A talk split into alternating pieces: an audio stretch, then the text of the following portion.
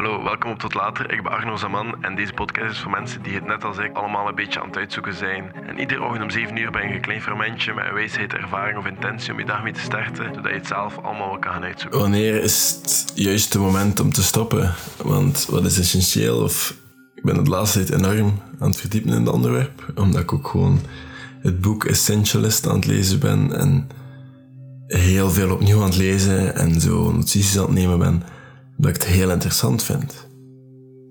Maar die vraag is ook moeilijker dan de intentie van wat eigenlijk is. Wat is essentieel? Kijk nu bijvoorbeeld naar de Concorde jet.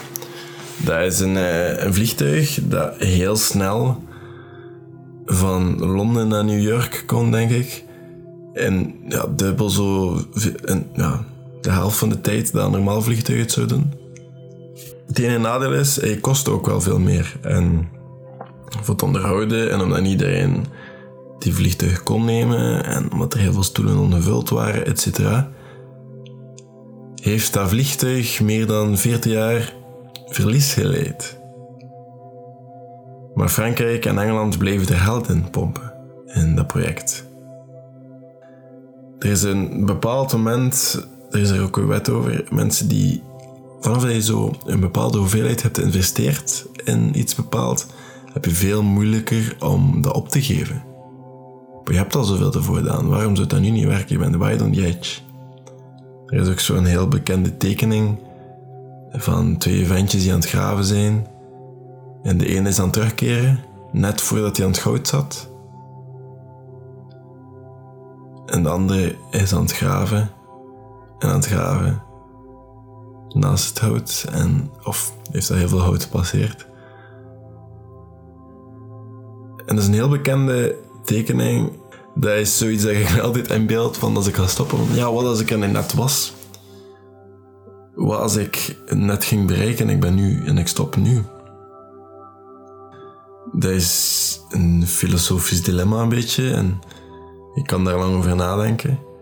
Maar bij die jet, ja, ze hadden het ding was ook, ze hadden zoveel geïnvesteerd dat ze 1 miljoen euro verlies gingen hebben als ze er nu mee stopten om, om heel die stopkosten te doen.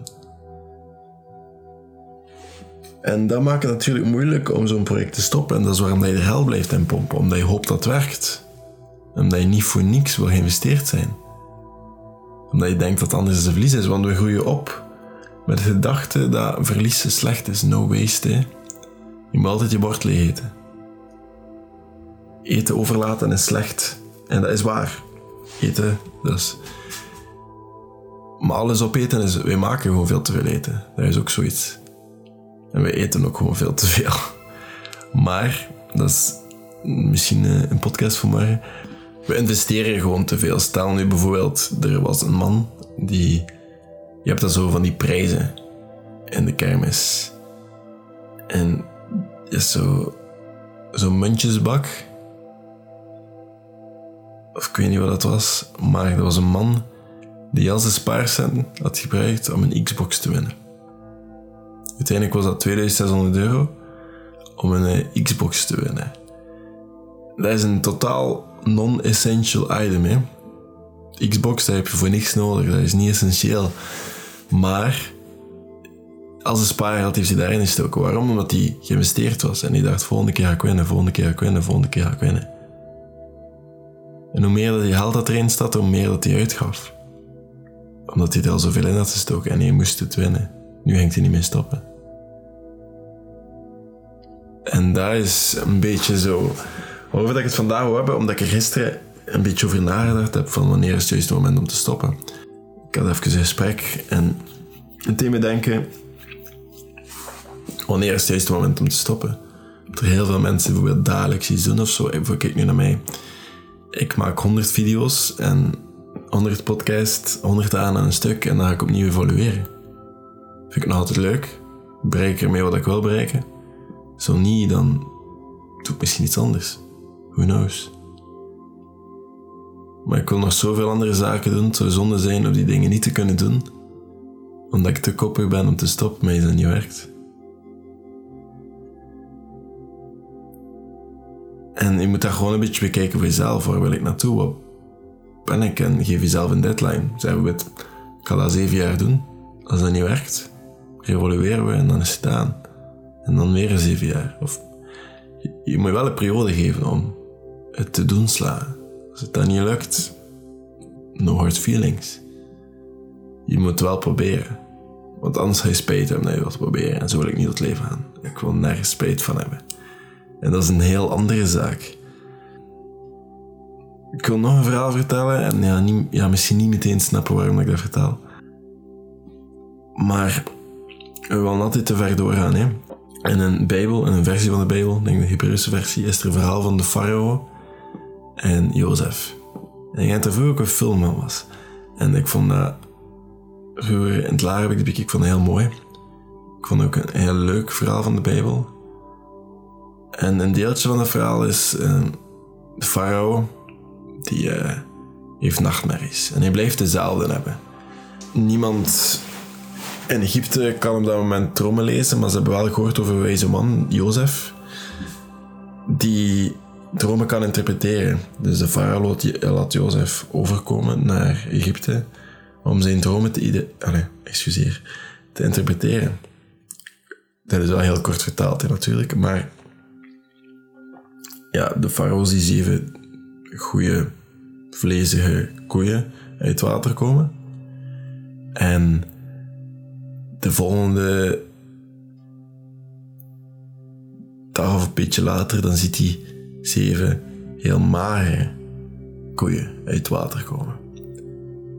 En de tweede groep eet de eerste groep koeien op.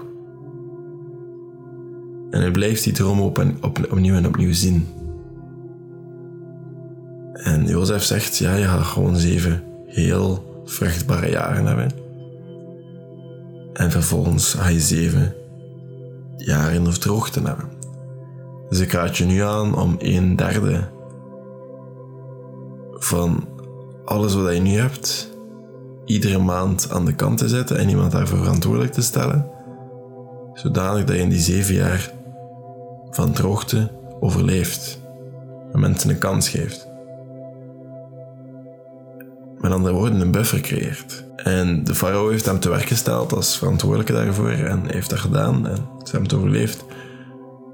En dat is een deeltje van het verhaal en dat brengt me een beetje naar een buffer, want hoeveel gebeurt het niet dat we studeren, dat we bijvoorbeeld er niet geraken, omdat we te hoge verwachtingen hebben en dat we denken, eh, ik moet daar en daar nog doen, omdat we geen buffer, omdat we te veel willen doen.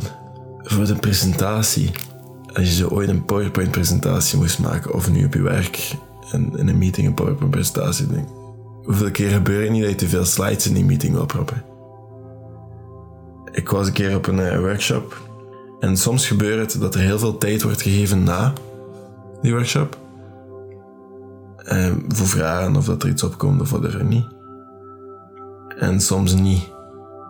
Je merkt dan de mensen die dat wel tijd geven, die ronden altijd mooi af. Voor mensen die heel tijdsgebonden zijn, is dat heel nice.